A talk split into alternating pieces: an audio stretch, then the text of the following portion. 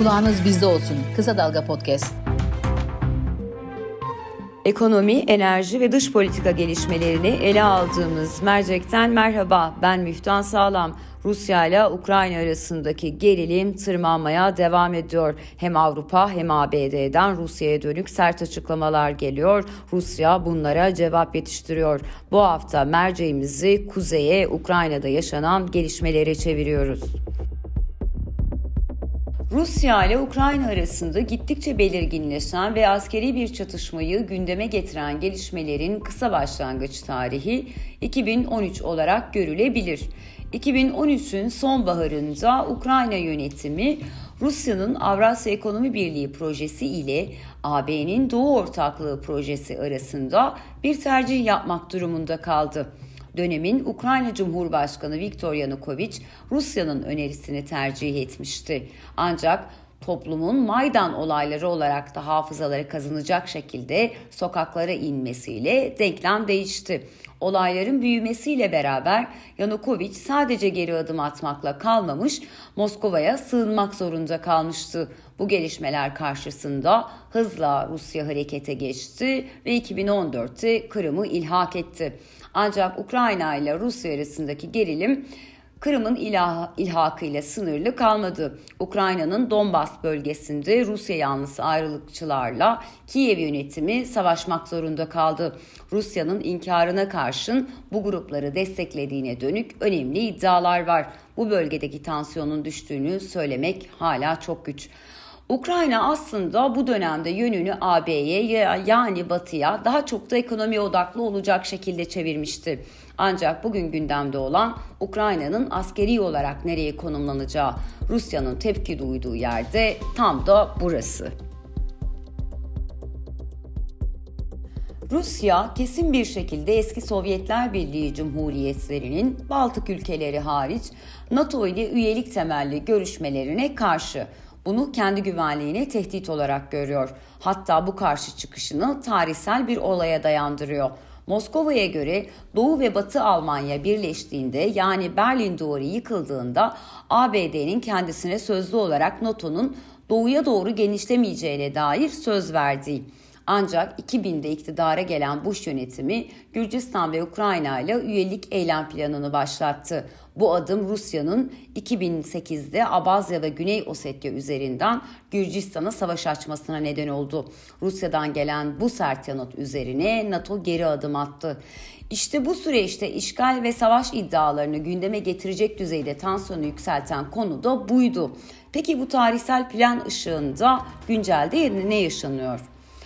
Rusya Ukrayna sınırına asker yağıyor ve bunun sayısı gün geçtikçe artıyor. Moskova'nın sınıra konuşlandırdığı kuvvet sayısı 101'in üzerinde. Üstelik bunun içinde tanklar ve sahra hastaneleri de var. İşte bu verilere ve görüntülere dayanan istihbarat raporları Rusya Ukrayna'yı işgale hazırlanıyor iddialarına neden oldu. ABD'den bu çerçevede tonu sert açıklamalar geliyor. Bu noktada dikkat çeken bir diğer aktör daha var. İngiltere. İngiltere'nin söz konusu gerilimdeki tavrına bakıldığında aslında bazen ABD'den daha sert ve ön planda olduğu görülüyor. İngiltere'nin Ukrayna ile askeri alanda yakınlaşmasının zeminini güçlendiren gelişmelerden biri Ekim 2021'de yaşandı. 8 Ekim'de Londra'ya giden Ukrayna Cumhurbaşkanı Vladimir Zelenski burada Başbakan Boris Johnson'dan savunma ve güvenlik alanındaki pek çok uzmana kadar geniş kesimle bir araya geldi.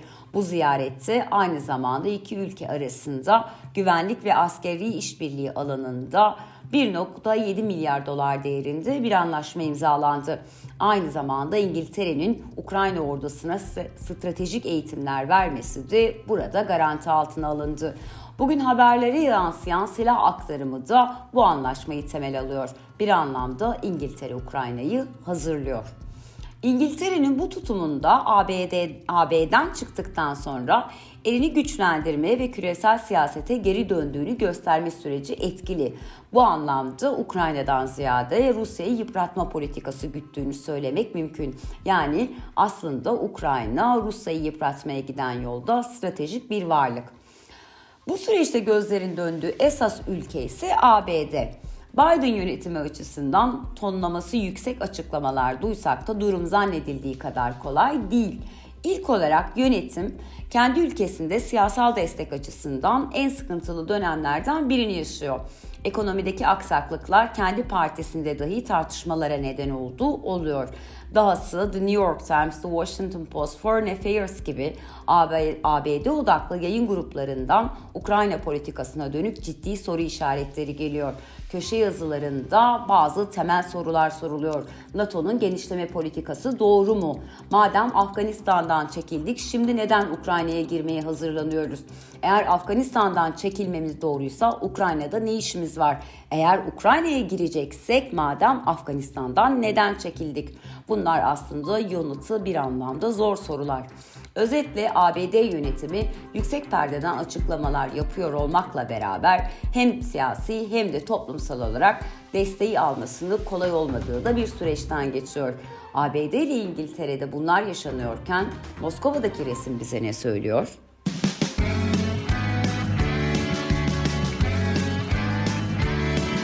Kulağınız bizde olsun. Kısa Dalga Podcast. Moskova hali hazırda ABD'den, NATO'dan kendisinin güvenlik kaygılarını giderecek yazılı yanıtlar, garantiler istiyor. Bu maddelerin ilki Ukrayna ve Gürcistan'ın NATO'ya üyeliğinin gündemden düşürülmesi. İkincisi bu coğrafyadaki askeri faaliyetlerin sonlandırılması. Yukarıda tırmanan bir süreç söz konusuyken Moskova'nın politikalarını ve atacağı adımları gösteren önemli göstergelerden biri Rusya televizyonlarının ve medyanın kullandığı dil ve programlar. 2014'te Rusya Kırım'ı işgale hazırlandığında siyaset ve medyada milliyetçi retoriğin yükseldiği konuşma ve yayınlar dikkat çekiyordu medyanın son dönemdeki tutumuna bakıldığında böyle bir durumun olmadığı, olanın dozunun da çok düşük kaldığı görülüyor. Buysa Kremlin'in henüz işgali güçlü bir seçenek olarak görmediğini gösteriyor. Öncelikle Rusya dünyanın en büyük kare ülkesi. Ayrıca Avrupa'da küçük de olsa bir toprağı var. Kaliningrad. Ancak Kırım'ın işgali dikkate alındığında toprak hesabı yeterli olmuyor. Kırım Rusya açısından Karadeniz'in güvenliği için önemli bir yerdi. Hatırlanacağı üzere Rusya donanması Kırım Ukrayna topraklarındayken de yapılan anlaşmalarla Sivastopol limanında yer alıyordu. Söz konusu dönemde Putin'in Sivastopol limanında NATO askerlerinin bizi karşılamasına izin vermeyeceğiz sözleri de Kırım'ın Rusya açısından stratejik bir nokta olduğunu gösteriyordu. Ancak Kırımsız bir Ukrayna Rusya için yeteri kadar cazip değil. Üstelik bunun bir maliyeti de olacak. Rusya Kırım'ı işgal ardından ilhak ettiğinde ABD ve AB'nin ekonomi ve enerji alanında kendisini hedef alan yaptırımlarına maruz kaldı. Bu yaptırımlar petrol kriziyle birleştiğinde kısa bir sürede Rusya ekonomisinde 150 milyar dolar gibi bir kayba neden oldu. Bugün Rusya'nın ciddi anlamda ekonomik rezervleri var. Ancak olası bir işgalde Kuzey Akım 2'nin iptalinden uluslararası ödemeler sisteminin dışına itilmesine uzanacak çok daha ağır yaptırımlara kesin gözüyle bakılıyor. Gelecek olan yaptırımların Rusya ekonomisi üzerinde yaratacağı çalkantı aslında Putin'in en korktuğu senaryo olan rejim değişikliğine giden yolun taşlarını da döşeyebilir. Buysa Putin'in Ukrayna konusunda daha dikkatli bir biçimde hesaplar yapmasına ve atılacak adımlarını buna göre belirlemesine neden oluyor. Ancak bu konuda Putin'in elinin tamamen de boş olduğu söylenemez. Biden iktidara geldiğinde Selefi Trump'tan farklı olarak Avrupa ile ABD arasında yeniden uyuma odaklanmıştı. Ancak Putin'in hamleleri, İngiltere'nin Ukrayna'ya desteği yeni bir ayrışmayı tetikliyor. AB'nin iki güçlü üyesiyle ABD aynı zeminde buluşamıyor. AB'nin ekonomik motoru Almanya ile Rusya'nın ekonomi ve enerji alanında güçlü bir işbirliği var. Kuzey Akım 2 hattı devreye girdiğinde Rusya'dan Almanya'ya yıllık 110 milyar metreküp gaz taşınacak ve bu hatlar doğrudan Rusya'dan Almanya'ya uzanıyor. Almanya iş çevreleri de Rusya ile ilişkilerin zedelenmesini istemiyor. Bu konudaki taleplerini hükümete de iletiyorlar. Ancak burada bir başka sorun daha var. Almanya'da yeni koalisyon hükümeti kısa süre önce göreve başladı. Henüz hükümetin kendi içerisinde bir uyum yakalanamamışken dış politika alanında güçlü bir tek seslilik henüz ortaya çıkmış değil. Bu ise Berlin'in çok daha temkinli olması anlamına geliyor. Öte yandan İngiltere silah sevkiyatında Almanya hava sahasını kullanmamasını Almanya ile karşı karşıya gelmeme istekliliğiyle ilişkilendiriyor. Almanya'nın Estonya'ya sattığı silahların Ukrayna'ya transferini yasaklaması İngiltere'nin bu anlamda elini güçlendiriyor. Fransa 10 Nisan'da yapılacak Cumhurbaşkanlığı seçimine odaklanmış olmakla beraber AB eliyle NATO dışı bir yöntemle Rusya ile temas kurulmasından yana Macron seçimlere kendisinin de rol üstlendiği bir kriz çözen AB imajıyla girme gayretinde. Yani bu konuda Fransa Almanya kadar tereddüt taşımasa da İngiltere kadar da hevesli değil. Avrupa'nın diğer ülkelerinde ise temkinlilik hakim. Örneğin bu süreçte hasar alma ihtimali hali yüksek olan Türkiye ara bulucu bir rol üstlenme gayretinde.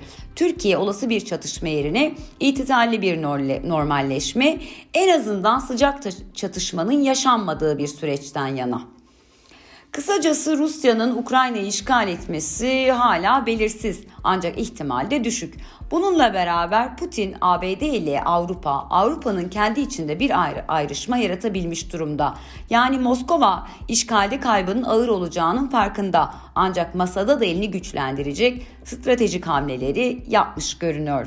Merceği dinlediğiniz için teşekkür ederiz. Hoşçakalın. Kısa Dalga podcastleri Demet Bilge Erkasab'ın editörlüğünde Mehmet Özgür Candan'ın post prodüksiyonu ve Esra Baydemir'in hazırladığı görseller ile yayınlanıyor. Kısa Dalga'ya destek vermek için Patreon sayfamızı ziyaret edebilirsiniz.